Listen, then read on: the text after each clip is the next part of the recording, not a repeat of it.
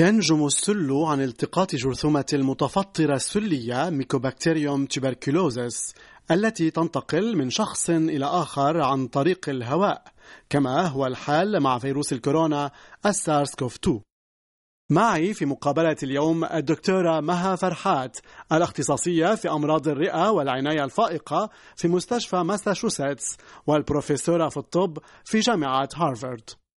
الدكتورة مها فرحات جرثومة السل ما زالت متوطنة في قارة آسيا وأفريقيا والبلدان العربية ما عدا الإمارات العربية المتحدة والأردن وسلطنة عمان هل السبب مرتبط بسوء احترام روزنامة اللقاحات؟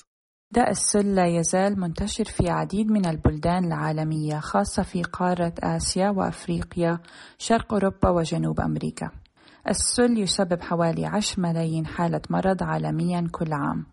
الأغلبية يشفى لكنه سبب وفاة لأكثر من مليون شخص كل سنة. مشكلة السل أنه معدي للغاية وصعب الشفاء منه فهو يحتاج لعلاج بالمضاد الحيوي أو الأنتيبيوتيك لمدة شهور عادة مدة ستة أشهر. للأسف للآن لم يستطع العلماء ابتكار لقاح فعال للسل. اللقاح الموجود أو ال BCG فعال جدا لوقاية الأطفال من انتشار بكتيريا السل في جسمهم عند العدوى لكنه لا يمنع داء الرئة. بعض البلدان مثل أمريكا وغرب أوروبا قدرت على سيطرة المرض لأنها بادرت بالبحث عن الحالات قبل أن تسوء وباشرت بالعلاج الملازم. الدكتورة مها فرحات في بعض البلدان على غرار البلدان الأوروبية لم يعد لقاح السل إجباريا إنما اختياريا. هل تحتاج بعض البلدان إلى الفرض الإجباري للقاح السل كي تصبح آمنة من الجرثومة كما هي بلدان كثيرة عبر العالم؟ نعم هنالك عدد من البلدان حيث لقاح السل لم يعد إجباري مثلا الولايات المتحدة وأوروبا الغربية. والسبب هو أن السل لم يعد منتشرا هناك. غير أن اللقاح السل ليس فعالا للوقاية من داء الرئة عند الكبار وداء الرئة هو نوع المرض الأكثر شائع من جراء بكتيريا السل.